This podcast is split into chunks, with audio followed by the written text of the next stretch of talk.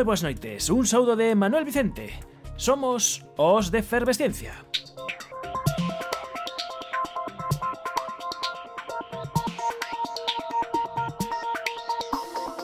O home morre, mátano cando deixa de soñar.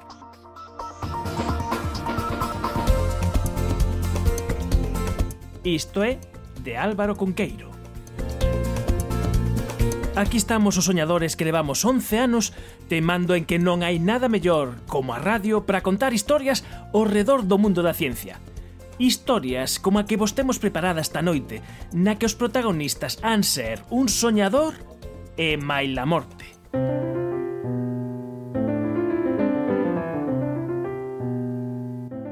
O soñador e o arqueólogo e tamén amigo Sur Allán, que logo de andar a escavar e a investigar por Galicia e polo mundo adiante, regresa a súa cereixa natal na Pobra do Brollón para catalizar un proxecto de arqueoloxía pública.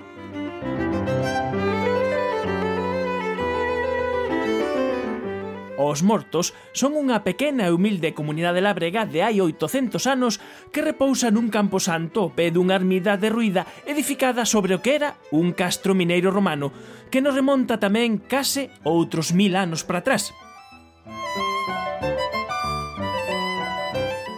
O caso é que estes defuntos son tamén veciños de Cereixa e as súas tumbas foron descubertas no marco do proxecto arqueolóxico do Castro de San Lourenzo que dirixe Xurso Allán.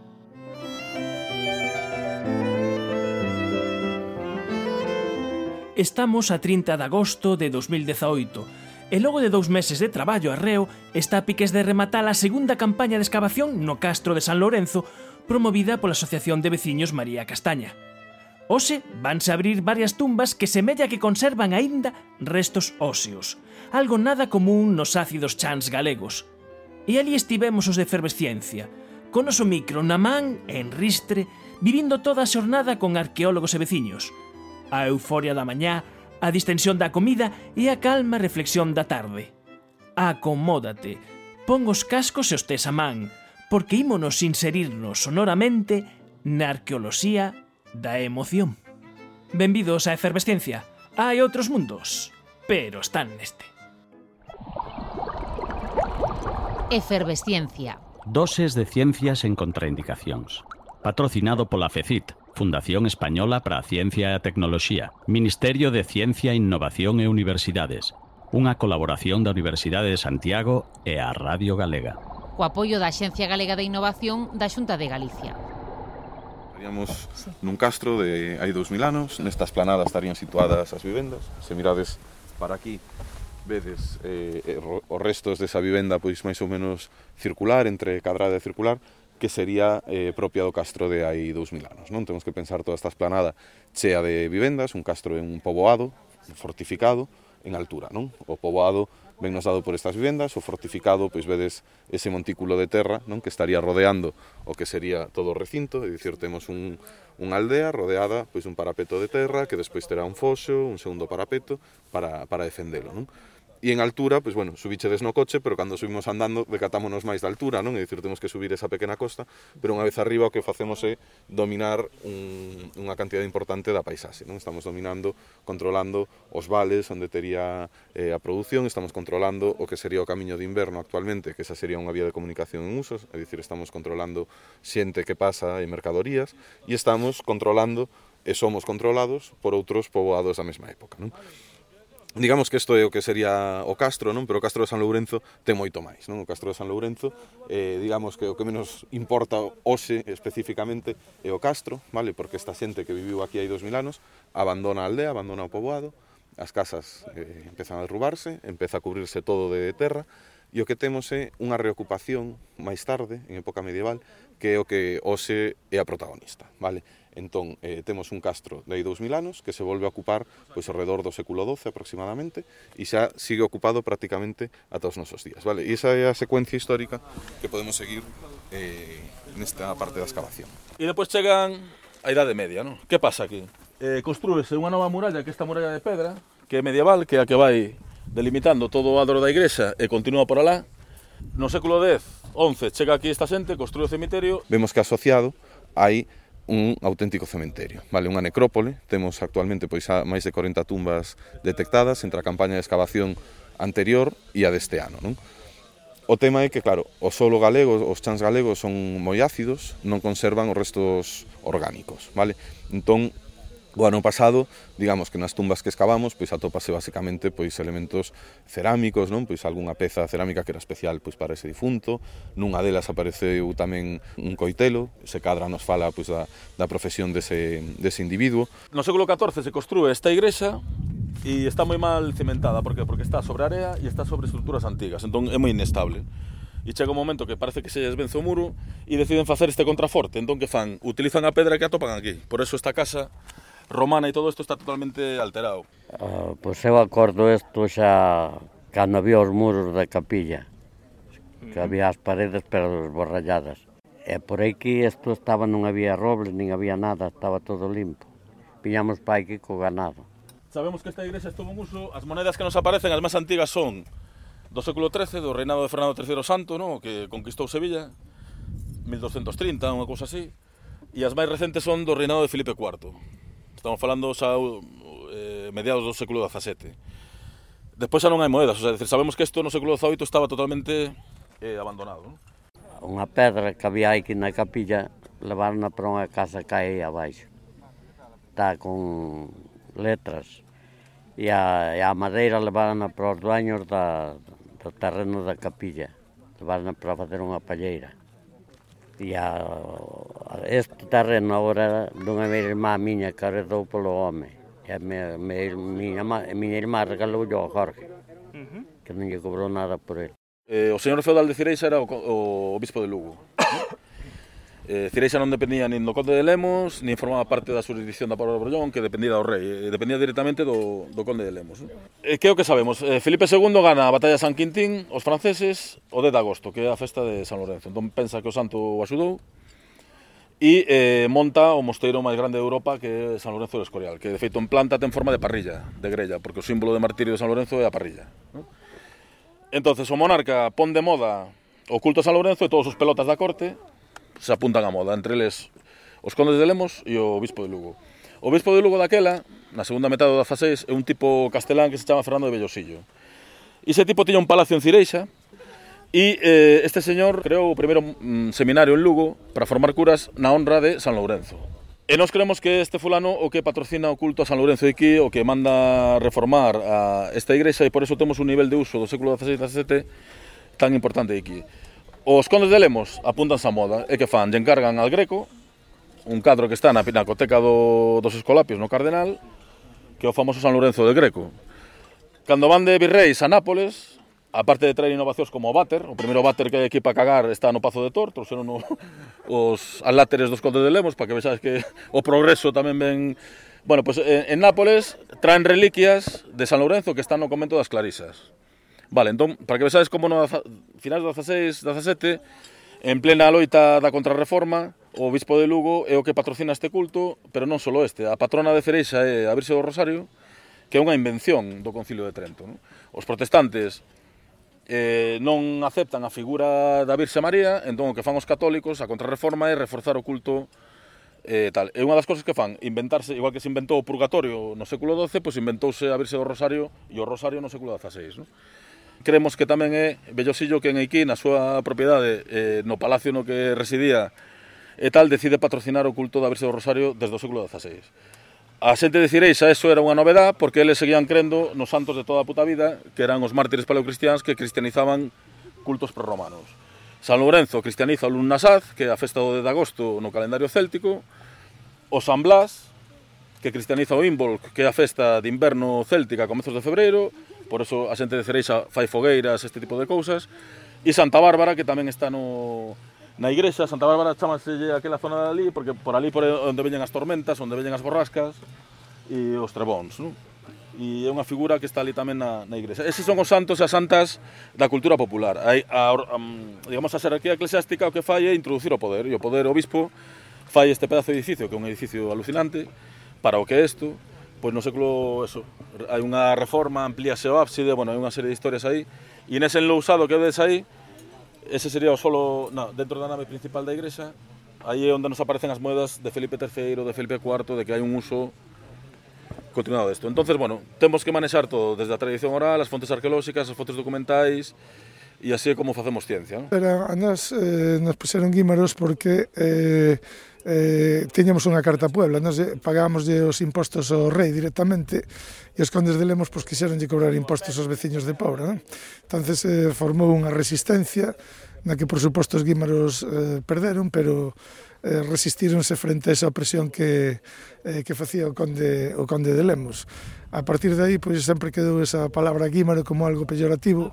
Sin embargo, despois de moitos anos e facendo moita pedagogía, eh, fomos quen de explicarlles a verdadeira historia aos veciños e ese ser guímaros pois, é un motivo de orgullo para que para calquer eh, veciño de, de pobre. Eso eh, facemos unha homenaxe aos guímaros e, en definitiva, a xente da Pobra cunha feira guímara que celebramos eh, sempre o primeiro fin de semana de, eh, de xullo, unha festa de exaltación de, dos guímaros e en definitiva de, de, da xente de, e os veciños da Pobra do Brollón. Non? Estamos aquí na Cena Merchandising, evidentemente, eh, bueno, este é un proxecto pois que eh, nace da Asociación de Veciños María Castaña, non? Eh, bueno, pois os inicios do proxecto pois foi prácticamente financiado gracias á, á venta deste viño que temos aquí, de camisolas, de todo tipo de adminículos. O viño é eh, elaborado por Don Bernardino, unha das adegas máis importantes da Ribeira Sacra, é viño da Mandi, a zona referencial, de feito, bueno, pois Don Bernardino ganou o último eh, premio do concurso de viños da Mandi, o sea que é un viño espectacular e bueno, temos a sorte pois eso de que a adega colabora co proxecto pois eh, coa donación comprando unha serie de botellas que a través da súa venda pois tamén vamos financiándonos. Non? Claro, a colaboración dos veciños aquí é fundamental. De feito, hoxe aquí hai bastante xente, o día que se exhumou a Tilano, pois viñamos bastantes persoas tamén eh, ás nove da mañá chubiscando, decir, nunhas condicións así meteorolóxicas un tanto especiais, e aquí estábamos, claro. Eh, algúns dos veciños dicían, bueno, que era eh, un dos nosos defuntiños. Eh, todo o mundo está moi pendente das vicisitudes de Atilano, de, por por onde andan os seus osos, eh, que foron algúns a Alemanha, outros a, bueno, a outros lugares a ser analizados, eh, que ademais os veciños esperan eh, o regreso deses osos para volverlle facer o enterro. Temos osos largos, fémur, coxis, pelve, a pelve probablemente sexa de muller porque ten restos de osteoporose e tal, e mandíbula inferior cos dentes. Pero claro, isto ainda temos que excavar, é probable que sale o cráneo. Aí temos un oso largo e dous dentes que saliron agora. Naquela lá temos todo o tren inferior, digamos, o que fémur, seonllo, tibia, peroné e eh, dedos. E na outra temos fémures e, unha, e o cráneo completo e na outra temos as extremidades. Pero bueno, eh, que temos que escavalas entre hoxe e mañá, o sea que probablemente salen algunhas cousas... Sí. É dicir, aquí estamos eh, de novo atopando os osos de, quizáis de ancestros nosos, claro, de antepasados, eh, que volven á vida. A vida non remata coa morte, senón que mil anos despois podemos encontrar de novo algunha traza da nosa memoria. Vostede é a nai de Sursallán. Sí. E o Surso viña a xogar por aquí ás veces ou? Pois viña co pai cando era pequeno, si, na bicicleta e E xugar, xugar, xugar xa estarías tú con maleza, non sei, pero de excursións é, é pasearse. Porque eu vi unha foto que, que, ven, que pon Suso por todos os lados, me parece Suso aquí cun chándal Ai, si, sí, a bicicleta del pois tería, non sei, ao mellor oito anos, nove, por aí. Viña co pai, si. Sí. Esa foto do arquivo familiar que pon aí, arquivo... Eh... Sí, sí, sí. Non, se seu pai sempre dicía que aquí que que tiña Camaralgo, que era un castro, que tiña toda a maneira de ser un castro, e efectivamente, e el xa lle gustaba eso, e, e non sei, xa o viviu, digamos, desde pequeno. E os peregrinos suben visitar o castro, moitos dos que pasan, suben aquí a visitar o castro. Sí, sí. Eh, inverno, eso xa, xa empezan a pasar agora tamén, eh? Bastantes no, están peregrinos. pasando todo o tempo. Sí. Aquí está Susoyán con pincel en ristre. Non é moi habitual. Non é moi habitual que, que, que o xefe eh, se aseonlle na tumba e, e faga o traballo manual eh, con moito xeito, eh, pincel para aquí, pincel para colá, eh, que o que temos nesta tumba? Pois é interesante porque estaba sellada non? por unhas lousas bastante grandes, entón, bueno, isto non se abriu en 800 anos, entón, presumiblemente, o que está dentro está posto aí dende aquela. Isto é interesante porque na área onde tiña que estar o cráneo e parte do esqueleto nos atopamos con un kilo e medio de escouras de ferro uh -huh. que ademais son escouras medievais porque as escouras de ferro romanas teñen unha tecnoloxía diferente, teñen o que chaban sangrado de escoura e isto é ganga máis típica da Idade Media Eh, e é curioso porque agora, por exemplo, estamos limpando aquí os restos esqueléticos e quitamos a mandíbula inferior e está rodeada precisamente de anacos de escoura isto é bastante misterioso, é dicir, ou un depósito intencional dos parentes familiares do defunto que decidiron enterralo con isto. Depois apareceu tamén algo moi interesante que un... O sea, que vos, vos lo poñen difícil. Son os quebracabezas sí. para os arqueólogos que o mellor o motivo pode ser calquera e logo agora vos podedes facer unha tese de doutoramento para saber que facían esas escouras en sí, na sí. tumba. Escoria, mandíbula, sacro e... Eh... pelvis. Vale. Código, escoria, 232, entonces. Sí, pero o resto poño o nombre xa, sacro, pelvis, vale, vale, mandíbula. Vale. Escoria 232. Sí. Que código lle poño? Poño huesos e mandíbula na, nas observacións? Pon, pon eh, en observaciones pon que es mandíbula y es la eh, hueso 234, ¿vale? Y yo lo pongo aquí en la estación. Hueso, Agora, eh, acaba de quitar unha dentadura que ten polo menos oito dentes. No, esto se desfai... Vale. Sacamos foto desto porque isto non vai do... Elena. Elena, Elena, foto. Saca foto desto que... Pon aquí encima de Gran Canaria. Qué maravilla, nosotros dentro. ¿Cómo le podemos llamar a estos usos? Coxis. Eso, coxis. Coxis. Sa no, sacro. Sacro. Sacro. Eso ten un, dous, tres, catro dentes dunha beira, tres doutra... E hai un aquí, dous máis. E dous máis. Vale, vale, vale. E parece que se vai desfacer só con miralo. Nada. Vale. Pues sí. Hueso 239, sacro, ¿no? Sacro. Vale. Acabamos isto e ya vos van a hacer la foto, vale? Bueno, os dentes son o premio gordo, non? Sí. sí. Sí, porque ten aí todo aí material xenético duro, se pode facer Ya está. ADN antigo, isótopos, carbono de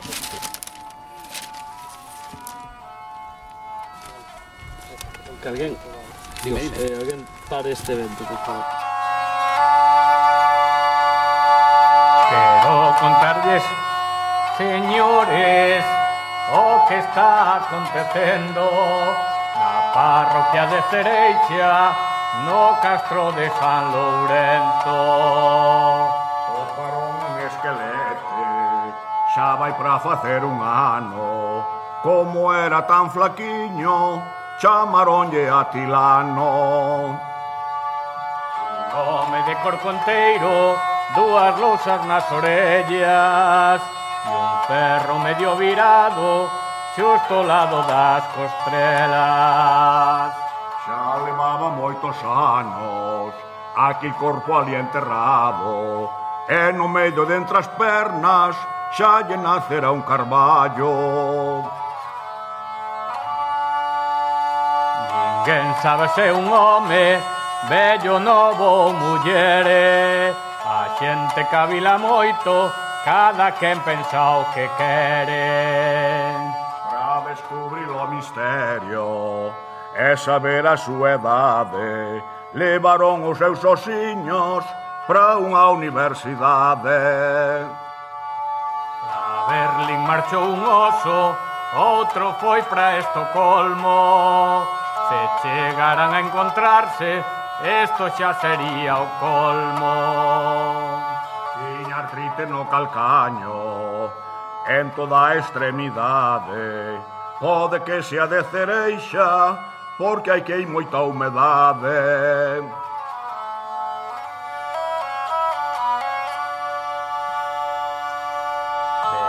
de todas as partes para estudiar a situación e Taiwán e Checoslovaquia e de todas as naciones.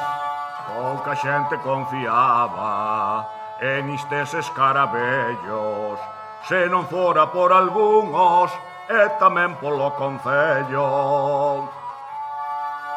Unha cousa só lles pido a todos aquí presentes, Turistas e peregrinos con veciños ou parentes. Non o tomen todo a broma, moitas leccións nos da vida. Cando fagan o ADN, pode ser da súa familia.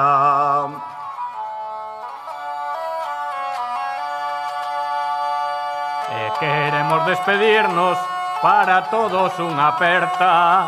Volveremos para o ano se a tumba segue aberta. Rematamos a historia bebendo un vaso de viño. Se lles gustou este conto, deixen aquí un pesiño. Se lles gustou este conto, deixen aquí un pesiño.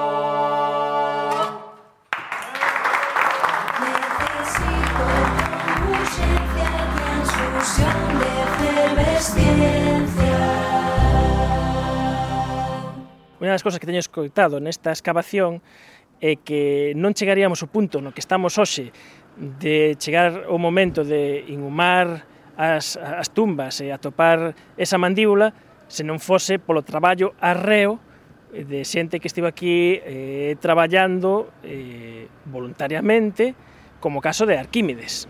Moi boas, Arquímedes. Que tal, Manuel? De onde es? De Sevilla.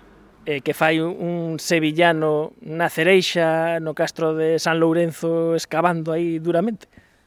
Llegué por un campo de trabajo, pero al final eh, la historia se ha desvinculado completamente y he terminado como uno más, no como un voluntario que estuviera allí trabajando en el castro.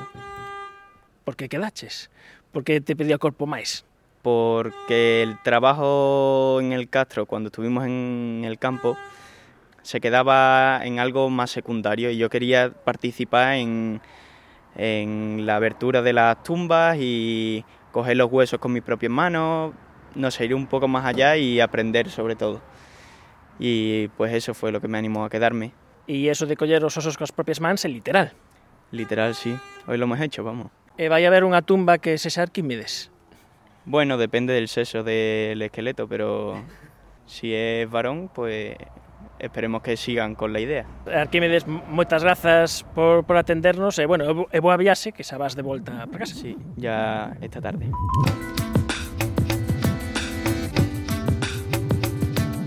Estamos na sobremesa despois da comida o churrasco no fogón co equipo de excavación do Castro de San Lourenzo eh, temos un momento unha parte con Suso Allán, que é o director, eh, nome que sai en múltiples eh, ocasións. Eh, Suso, antes de nada, eh, para poder facer eh, esta excavación deste proxecto do Castro de San Lourenzo, alguén tuvo que deixar os seus cartos aquí. Sí, efectivamente. Bueno, este é un proxecto que surde da Asociación de Veciños María Castaña, eh, no ano 2016, petamos moitas portas, non tiñamos ningún tipo de financiación e podemos arrincar o proxecto grazas a, a axuda de particulares, de veciños e o mecenado, neste caso, dun veciño que é José Luis Lagoa, que apostou polo proxecto dende o primeiro intre e foi o que permitiu arrincar eh, o proxecto, eh, non só iso, senón que tamén podemos acceder, por exemplo, a axuda da obra social da banca, eh, bueno, e o éxito dos, dos resultados das primeiras campañas de excavación, pois xa nos abriu as portas da, da administración. Agora pois, temos tamén financiación da Xunta de Galicia a través de Xuventude, de Patrimonio, pero desde logo os dos primeiros anos eh, para arrancar o proxecto foi grazas a, a axuda sobre todo de particulares, de veciños e sobre todo de, de, de José Luis Lagoa, eso hai que dicilo, sí. Uh -huh. E agora estades xa en convenios co Concello e mm. eh, Patrimonio da Xunta de Galicia. Sí, efectivamente, por exemplo, esta campaña, que é a cuarta campaña que facemos, faise grazas a un convenio coa Dirección Social de Patrimonio Cultural da Consellería de Cultura da, da Xunta de Galicia, por unha banda, e por outra banda, coa Dirección Social de Xuventude, fixemos un, un campo de traballo internacional, onde estivo aquí Arquímedes e máis xente, e agardamos que o ano que ven pois, eh, po, po, poidamos facer unha nova campaña, non son unha quenda de 15 días, senón todo o mes de agosto, estaría ben. En San Lorenzo, eh, o povo sabía sabíase que aí había un castro, aí había unhas matas, eh, como mm, cales son os antecedentes? Porque hai unha foto aérea en parapente que coido que axudou a conservación, houve unha canteira, houve unha mina... Sí, bueno, como acontece en Galicia, en Galicia hai uns 8.000 castros, entón os, os paisanos saben que os castros alguén os fixo, non son formas naturais, son formas circulares, con fosos, con paredes. E neste caso concreto, por exemplo, Cireixa, eu xa fai 20 anos falando cos vellos, pois eles falaban do, do castro de San Lorenzo, que era o sitio dos mouros, as mouras, é dicir, eses seres míticos que habitan o mundo subterráneo, e sabíase que era un lugar especial, antigo, non? Houve unha serie de lumes nos anos 80 que permitiron ver todas as estruturas, de feito temos fotos do ano 87, do último lume foi no ano 91, entón, bueno, eh, sabíase da, da potencialidade arqueolóxica que podía ter eh, este sitio. Que pasa? Que, bueno, as circunstancias eh, fixeron que fo, fora no ano 2016 cando se xuntaron unha serie de, de factores que permitiron pues, levar a cabo este, este proceso de patrimonialización, de recuperación dun castro que só se pudo facer coa colaboración, evidentemente, da veciñanza de Cireixa Eh, para nós foi fundamental recuperar a, a Romería do San Lourenzo, non? Eso foi o que vertebrou un pouco a comunidade local e é un proxecto que é un referente identitario para a parroquia de, de Cireixa, non? A parroquia de Cireixa, aquí na Pobra do Brollón, e en terra de Lemos, Ribeira Sacra, mm. temos que, que dicir que o que dicíamos antes, que houve eh, a historia desa foto aérea cando non había drones e cando non había Google sí, Maps sí. ni Google Earth Sí, a ver, temos que ver que o Castro San Lorenzo ten máis vidas cun gato, é dicir, eh, eh, vencellouse na súa orixe precisamente a explotación do ouro por parte dos romanos, e que pasou? Eh, no, no século XX, nos anos 70, cando se fixo a 120, pois houve unha serie de empresarios que fixeron areiras, eh, barreiras de area, eh, unha delas pois afectou bastante o Castro, de feito prácticamente parou o, o sopé do, do que a muralla do, eh, do Castro. Eh, a fins dos anos 90 eu recordo que veu un empresario aquí, o Fogón, a comer e o tipo viña coa idea un pouco de reactivar a esas explotacións. Claro, daquela, pois, nos anos 90 xa estaba protegido o Castro pola Dirección do Patrimonio e un veciño de aquí que vive en Madrid que é aficionado ao parapente, pois fixo unha serie de fotografías aéreas.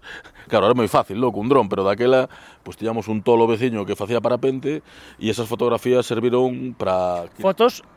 Sí, sí. Eh, fotos con carrete, de foto de sí, carrete, de revelar. Sí, sí, de revelar. Eu me acordo aquí nunha, nunha cea aquí no Fogón, estou falando do ano 96, 97, non? Efectivamente, as fotos eh, reveladas, e claro, víanse as formas circulares do Castro, e eso serviu para persuadir o empresario, oye, mira, no, no, non podes facer aquí a reactivar a canteira porque isto é patrimonio e tal. É dicir, eh, foi unha historia, foi Roberto, Roberto Maceda, eh, que axudou co seu parapente un pouco a preservar o Castro. Eh, hai moitos heróis anónimos que preservaron o Castro e, e puido chegar ata, ata hoxe en día. Non? Esta é a parte eh, do Castro e logo ven eh, as, as segundas vidas e terceiras vidas do Castro que é cando xa eh, esa ocupación na, na Idade Media onde están estas tumbas non que tanto nos están dando esta mañán e que ide seguir agora pola tarde a excavar. Si, sí, nos creemos que aquí o Castro de San Lorenzo é un exemplo maravilloso de cristianización medieval dun, dun recinto pagán, no? dun, dun recinto eh, romano. E vemos que aquí é unha comunidade que establece un santuario e un cemiterio, xa temos 43 tumbas a día de hoxe, e que nos situamos precisamente precisamente neses séculos XI, XII, cando se consolidan eh, as rutas xacobeas. De feito, o Camiño de Inverno a Compostela pasa a rente do, do Castro. Entón, bueno, non hai ningún tipo de testemunho documental sobre, sobre esta ocupación medieval, pero estamos vendo que é un sitio importante do punto de vista simbólico. Estamos falando das orixes da propia Ribeira Sacra como espazo sagrado, non? a primeira vez que Susa Jan falou en efervesciencia era nos nosos inicios, mm. era para falar eh, dunhas excavacións que fixerades en Etiopía. Sí. cunha tribu eran go, gumus. os gumus, os gumus. Bueno, moito dos gumus daquela non falamos porque eu empecé preguntándoche de como é a arqueoloxía de agora comparada sí, con a arqueoloxía de antes e aí quedamos, pero Sursa Jan eh, que logo eh, fixeches a túa tese sobre os castros en Galicia mm. como, como fogares, como espacios habitables. Eh, logo fuches o País Vasco, tamén falamos contigo cando andabas polo, polo País mm. Vasco eh, estabas estudiando o que era arqueoloxía da, da Guerra Civil eh, tamén mesmo tamén falamos contigo dese libro, estudio do libro de visitas de, mm, de Altamira, de Altamira todo, todas estas historias. E, e agora eh, faz ese, ese percorrido, e comentamos con xente aquí na, na excavación, e volves, porque volves agora como arqueólogo despois de traballar en moitos sitios, eh, períodos históricos moi diferentes, e volves á túa casa, á túa terra, á a, a túa parroquia, e todo ese coñecemento, pois o botas a andar aquí. Sí, un pouco a historia de Ulises, non? Que volve á súa casa despois de... E é certo, todas as experiencias que, que temos acumulado pois, por aí adiante, polo mundo adiante, pois foron de moita utilidade para, por exemplo, aquí, a parte da, de, de sacar adiante o proxecto de posta en valor de Castro San Lorenzo, a nosa experiencia en arqueoloxía pasado contemporáneo pois, permitiu, por exemplo, agora no mes de suyo, facer exhumacións en, eh, de represaliados da Guerra Civil en parroquias en Castroncelos, en Sá, parroquias veciñas de, eh, de Cireixa. Recuperamos tamén, digamos, os restos materiais da loita antifranquista nesta área, que era un tema eh, bueno, que non se trataba, había moito silencio, moito terror, no? o froito da, de, da represión. Eh, realmente este é un campo de experimentación de novas formas de facer arqueoloxía. No? Eh, nos creemos na arqueoloxía pública, na arqueoloxía en comunidade, E eu creo que este proxecto, con toda humildade digo, pero bueno, ensinas en universidades británicas, en Estados Unidos, en distintos sitios de, de Europa, porque realmente os, os, os propios veciños, as veciñas son partícipes do propio proceso de, de xeneración do coñecemento científico. Non? E eu sempre o digo, non somos científicos, ti tamén eres divulgador, pero ao final a ciencia neste proxecto o único que fixo foi corroborar que o mito, a lenda, tiña razón. Non? eh, as lendas de aquí sobre o Castro San Lorenzo nos remitían que a orixe da nosa comunidade estaba no Castro San Lorenzo. E científicamente demostramos que os nosos vellos eh, a xente maior tiña razón. Non? Eu creo que ese é o gran valor de que o mito e a ciencia non son discursos antagónicos, sino que se misturan. Non? Entón, apelar ás emocións, a sensibilidade, para nós é, é fundamental. Somos moi rigurosos, utilizamos últimas tecnoloxías, registramos todo, pero o discurso científico ten que callar na, na xente na, no propio territorio, non? Ao fin e ao cabo, estamos reconstruindo científicamente unha paisaxe que segue marcando o noso presente. Os castros siguen vixiando o noso territorio, eh, temos a sorte de que en Galicia hai unha certa paisaxe fosilizada que noutra zona de Europa desapareceu pola Revolución Industrial, por moitas cousas, pero aquí en Galicia o mundo rural segue moi vencellado ao pasado, non? e esa é a grande forza que temos. Non? E logo, é outra cousa que me sorprendeu, que eu non coñecía é toda a historia de María Castaña, porque María Castaña é daqui, é da Cereixa.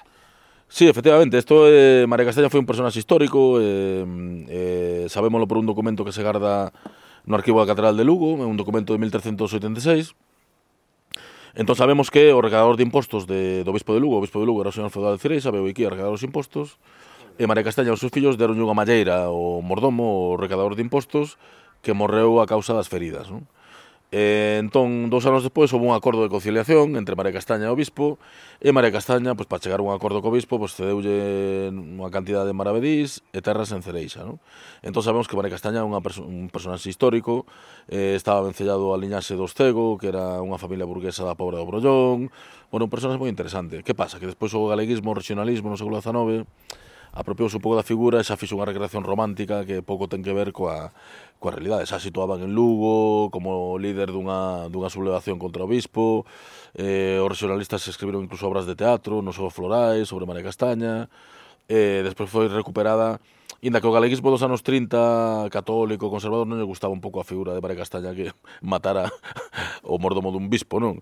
Pero, digamos que a nosa Robin Hood particular, non? E, de feito, a nosa asociación chamase Mare Castaña e o noso referente icónico, identitario, non? E, representa, a fin ao cabo, as mulleres do rural galegas, afoutas, orgullosas, que traballadoras, non? E, bueno, é un pouco o que temos aquí, non? Esta mañán eh, foi unha mañán moi, moi intensa na excavación, porque coido que superou as vosas expectativas. Sí, efectivamente, a verdade que o impacto mediático foi alucinante, viñeron moitos medios de comunicación, moitos veciños, veciñas, xente que se desplazou desde Lugo capital, que queda a 60 km, es profeso para participar desta actividade de arqueoloxía pública, a verdade que estamos contentísimos, e arqueolóxicamente, pois, pues, eh, espectacular, é dicir, a tumba na que tiñamos postas as nosas esperanzas pois eh, acadamos algo mm, que non é doado, eh, atopamos restos óseos bastante ben conservados, unha mandíbula entera con, digamos, con todos os, os dentes, que eso nos fornece moitísima información de nos permitirá facer análisis, análisis de carbono 14, de, de ADN antigo, de isótopos, bueno, foi realmente espectacular. E, bueno, e agora para a tarde pues, nos queda recoller os osos e acabar a excavación de outras tumbas, e pode ainda haber sorpresas ahora ao longo da tarde. Eu sempre digo, en arqueoloxía está a lei de Murphy que di que o último día aparece o interesante, eh, normalmente nas esquinas, nos currunchos, nas zonas así que non lle prestaras atención antes, e bueno, pues a ver, a ver se hai sorte, non? Efervesciencia, ciencia, ciencia, ciencia, ciencia, ciencia, ciencia, ciencia,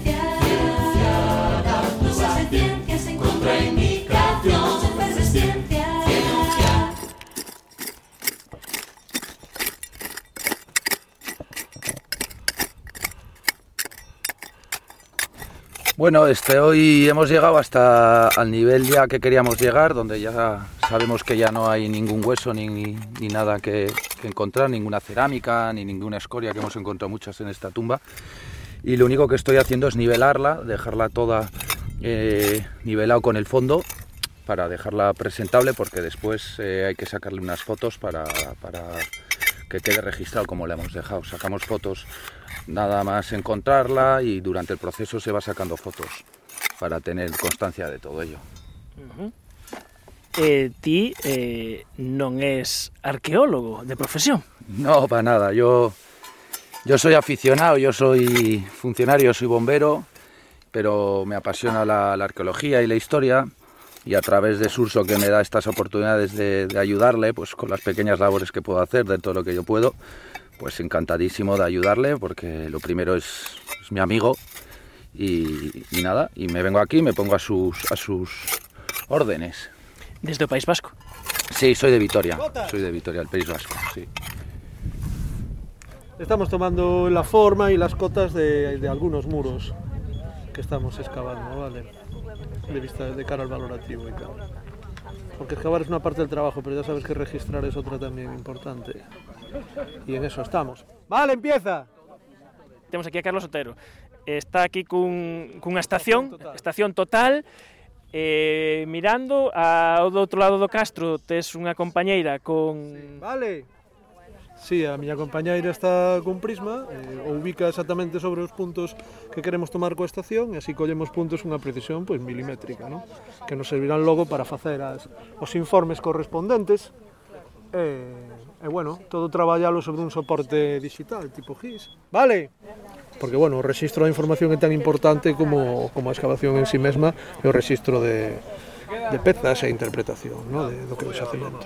A comunicación é unha parte moi importante do, do proxecto eu creo que a filosofía do, de todo isto é chegar eh, a, a xente e eh, creo que se si facemos as cousas e non, non as contamos, non, a, non, non as comunicamos, casi como que non non existen, non? Perdoa a curiosidade. O teu sí. acento é da cereixa?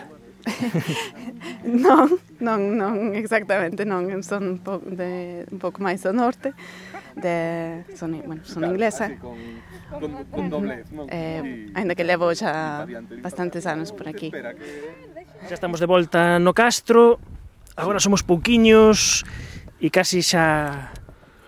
Agora sí que podemos falar de intimidade e, e toca botarlle paleta a esta tumba. Sí. Sí, a verdade é que esta tumba, bueno, pues temos bastantes esperanzas porque quitando a de Atilano do ano pasado a única que ten un cráneo máis ou menos completo eh, chamábanos a atención de que o cráneo en vez de aparecer aquí entre as dúas orelleiras ¿no? que son estas pedras que se poñían a carón das orellas pois o cráneo aparece aquí no medio do, do sartego ¿no? pero bueno, a ampliación da excavación eh, foi sustancial para comprender algunhas cousas ¿no? estamos vendo que o cemiterio probablemente ten unha evolución constructiva de este a oeste, o cal ten toda a lógica, porque as tumbas teñen unha orientación este-oeste. Entón, eh, construíse esta tumba, e posteriormente engádese outra tumba que temos aí cara esquerda, cara oeste, que é unha tumba infantil. Non? Entón, esta tumba infantil realmente o que fai é degradar o extremo occidental desta tumba, e onde estaba o cráneo, apartan o cráneo e poñen esa, unha pedra, susto nas orelleiras, non? Entón vemos que eh, nos planteábamos o mellor que esta era unha morte violenta ou que sei, pois un decapitado, o cal non, non, non sería tamén unha hipótese descabellada, ni moito menos, pero creemos que aquí houve unha remoción de toda a estrutura e, bueno, agora mesmo temos aquí en planta tal cual apareceu todo cando quitamos a, a tapa, a lousa e é bastante espectacular porque, bueno, a tumba ten uns muros laterais de catro fiadas de, de collos de cuarcita creouse así como unha sorte de cámara de aire e o que temos aquí diante nosa pois son o que se pode albiscar así a simple vista son dous fémures e un cráneo partido en dous entón, bueno, a ver se temos sorte de tamén poder atopar o mellor o que é a, a dentamia hai algunhas pedras por riba E o que imos facer é, é empezar un pouco a barrer, a quitar estas pedras que están por riba dos, dos restos humanos. Non vedes esta pedra, por exemplo, escachou parte de, deste fémur esta de aquí que tamén caiu do muro, pois cun pouco de sorte, pois non non partiu que o, o cráneo. Notase moitísima humedade, este é un sustrato arxiloso de barro, é moi plástico, é como plastilina, e, e grazas a este sustrato dafolóxico, pois foi como se conservaron estes restos. De feito, os osos son teñen un toque grisáceo, agora mesmo estamos tocando a calota dun cráneo, e vemos que ten un toque grisazo precisamente polo contexto de lama, de barro, de eh, que caracteriza pues, o, o que é a base da, da tumba, por eso se conservaron os restos así máis ou menos tamén. E bueno, este é un traballo bastante delicado, temos que ir a coitelo, con brochiña, eh, cada tumba, como digo eu, é un, é un mundo, non? É dicir, eh, na outra que sumamos a mañá, que apareceu a dentadura, pois apareceu unha acumulación de escouras, así unha sorte de ofrenda votiva, e aquí pois non sabemos o que nos vamos a topar. Pero unha tumba tamén bastante espectacular, eh? Quizáis esa a máis monumental que temos ata o momento. Temos un total de 43 tumbas e esta verdad que se leva leva a palma, non? Aquí vedes que temos aquí o, o fémur que continúa cara aquí e parece que está todo bastante alterado, non? Que se removeron os restos esqueléticos, Este é traballo manual, eh, coas mans, co pincel... Sí, sí, isto é... Pois pues sí, o traballo máis fino que pode haber en arqueoloxía, realmente, non? Esta, bueno, tamén é a imaxe que temos tamén do arqueólogo, non? Es, pero este é o resultado final, bueno, o resultado claro, final. Claro. Para chegar aquí eh, teñen que, xa contabas, teñen que pasar moitas cousas antes.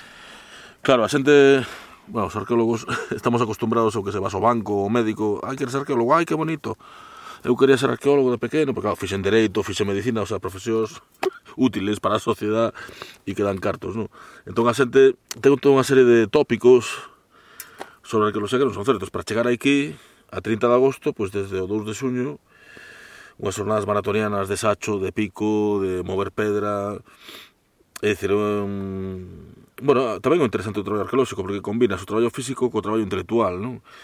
O traballo así máis duro, desexencia, bueno, traballas a intemperie e despois chega o momento do traballo fino, onde, bueno, é un combinado de circunstancias, pero a xente o que ten na mente pois é o pinceliño, as series estas de televisión CSI, Bons, non? Que parece que estamos sempre aí co, co traballo fino, pero non é verdade. Eu podo dicir que nesta excavación o 95% é traballo duro e o 5% é traballo fino, non? E depois a xente tamén pensa que cando acaba unha excavación se acaba todo, e, e non, é realmente cando empeza todo, non?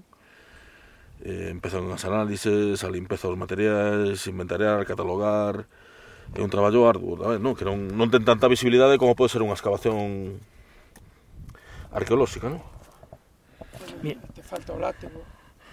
Bueno, falta o látigo, látigo. emprego, co, eh, emprego cos arqueólogos.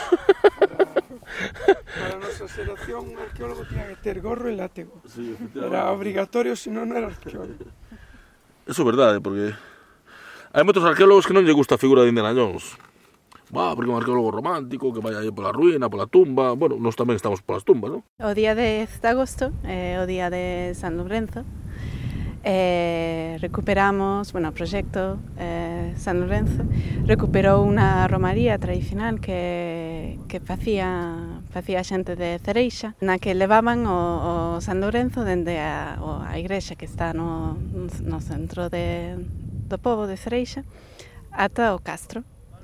A xente daqui sempre di que, que o San Lorenzo non é de, da igrexa de, de Cereixa, que o San Lorenzo é e que escapábase, non? Escapábase o, o castro. Entón ese día, o día 10 de agosto, levase o santo a, ao seu sitio, non? É unha tradición que dentro do proxecto recuperaron, creo que fai dous anos. Empeza con unha misa na, na igrexa de Cereixa, entón comeza a Romaría. Levase o, o santo ata o Castro en, en procesión e xa no castro pois empeza a festa. E queda unha imaxe moi curiosa de do santo en medio que se coloca na, nas ruínas da, da igrexa que, que, que excavamos aquí no, no castro no sitio onde sería o altar poñen aí o, o, o santo. E bueno, unha vez xa que o santo volve, pode empezar a festa.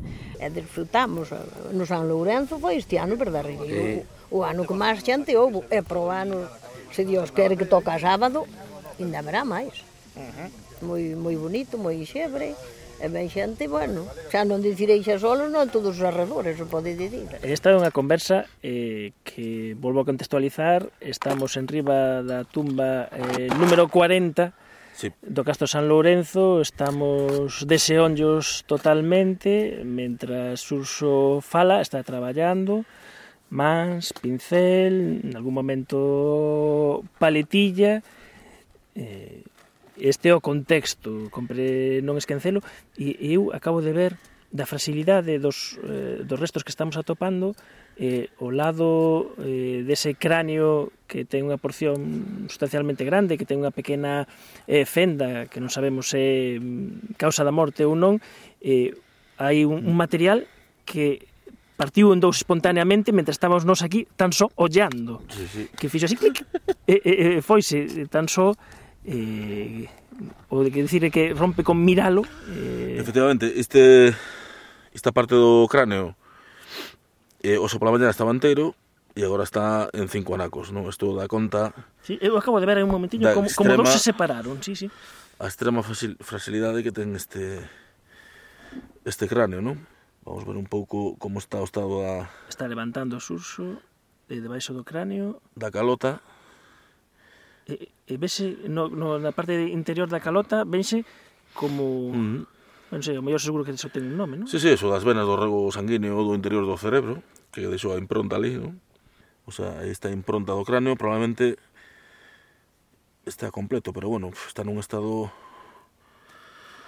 bastante complicado, non? Os osos están tan desfeitos que astillan tan asiñas e pon os dedos encima. A onde mandades os osos?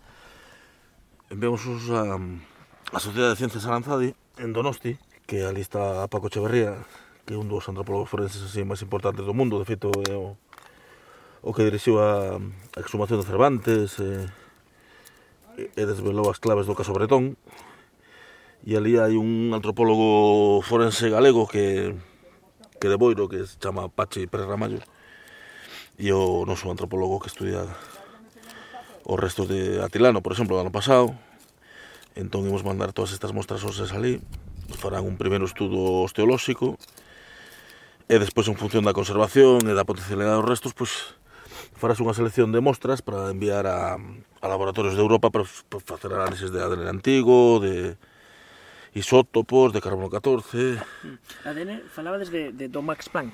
Sí. Que, eh, que a vanguarda. Sí, a institución Max Planck é unha das institucións da Europa continental pois, máis importantes ¿no? de, a nivel científico. Pois Pachi Pérez Ramallo está nun proxecto europeo, está ali de estancia na Max Planck, E é un proxecto que estuda, a través do estudo antropolóxico de esqueletos, os movimentos de poboación nas rutas de peregrinación a Compostela pois, na plena Idade Media.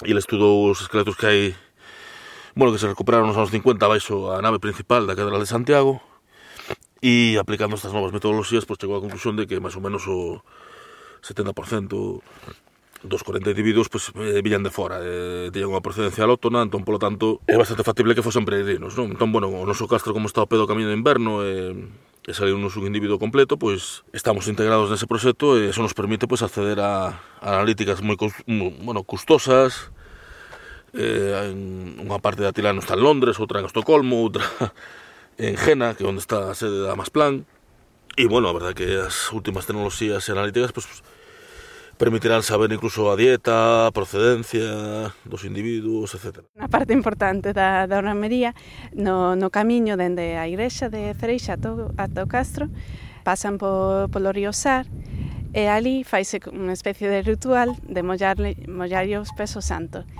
Creemos que, que, que é un ritual de, que ten que ver co, co chamar a chuvia. Música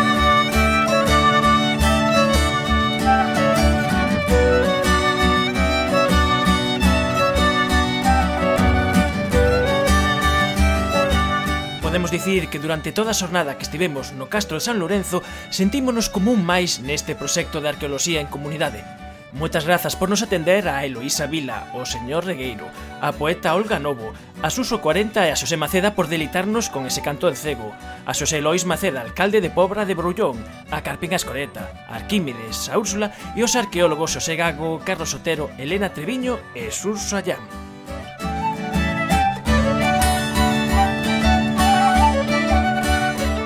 e co burato dos mouros interpretado por Garabela pechamos o noso paseo sonoro por esta arqueoloxía da emoción. Mollense os peso o santo e todo o mundo recita un, unha especie de canción eh, San Lourenzo, ven a nós, o ferrado das, das pavas, pagámoslo nós. Contan os vellos que un día escapouse da igrexa un santo que había. Din que marchou moi enfadado porque a xente do povo non pagaba o aferrado. Pois hai que buscalo, dixo o señor cura. Pois vamos aló, dixo o sancristán. Sen presa, rapaz, que aínda verá. Chamaron ao povo a unha reunión para darlle ao santiño unha solución. E que acordaron sair a buscalo nunha procesión. Sacaron a virgen, catro ou cinco santos, e saíron río arriba nesta latanía. San Lourenzo, ven a nós, contestaba o povo O ferrado das favas pagámolo nós San Lourenzo, ven a nós O ferrado das favas pagámolo nós Ya toparon, estaba quietiño, sin pestenexar Entre o castro da lende e o palomar. E desde aquel ao agro levou seu nome. E deu favas e millo pro santo e pro home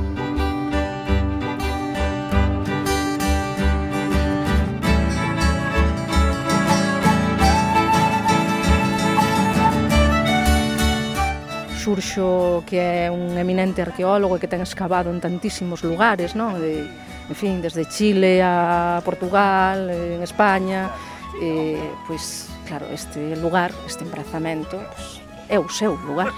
Eh, aquí viña cando era pequeno, co seu pai, o seu pai xa faleceu e eu creo que, aínda que el quizáis non fale moito disto, pois probablemente iso tamén é un acto de poesía, de amor e de memoria cara ao seu pai, que era que non levaba a ver castros cando era pequeno.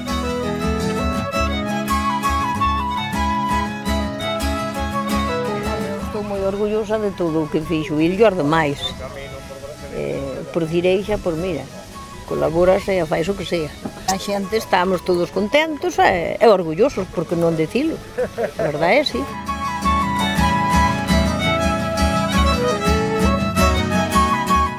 entón a mí isto parece moi, claro, pois unha lección de vida e de, de altísima poesía, claro.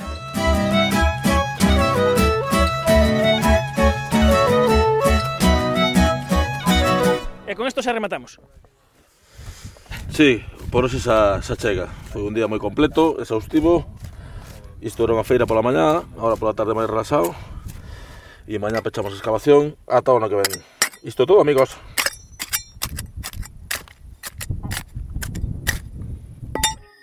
Efervesciencia. Patrocinado pola FECIT, Fundación Española para a Ciencia e a Tecnoloxía, Ministerio de Ciencia, Innovación e Universidades. Unha colaboración da Universidade de Santiago e a Radio Galega. O apoio da Xencia Galega de Innovación da Xunta de Galicia. O vindeiro mércores ás 24 horas volveremos a Radio Galega os de Efervesciencia con máis historias interesantes. Búscanos tamén na túa aplicación favorita de podcast. Adeus. Al nacer me asignaron, como a todos, un frágil esqueleto muy pequeño. Le acepté y cuidé que año tras año creciéramos los dos al mismo tiempo. Y así convivimos juntos. Él procura no hacerse notar mucho. Mi esqueleto es muy modesto.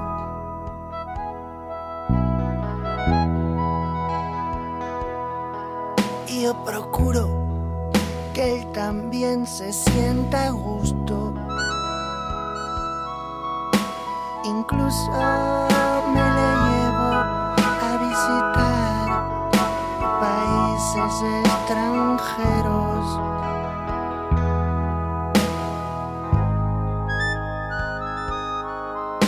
Procuro que no sufra ningún daño que le cause privarse dar un hueso. Le hospedo de frente hasta el ánimo otros esqueletos. Y esto es lo que a él le gusta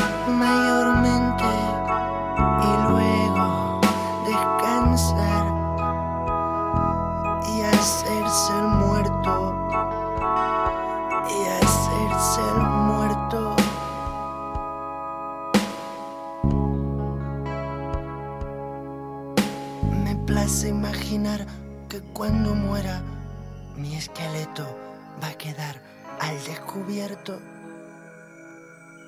Representar entonces lo que fui mientras viví. Y entonces creo, creo que así se sentirá más cómodo con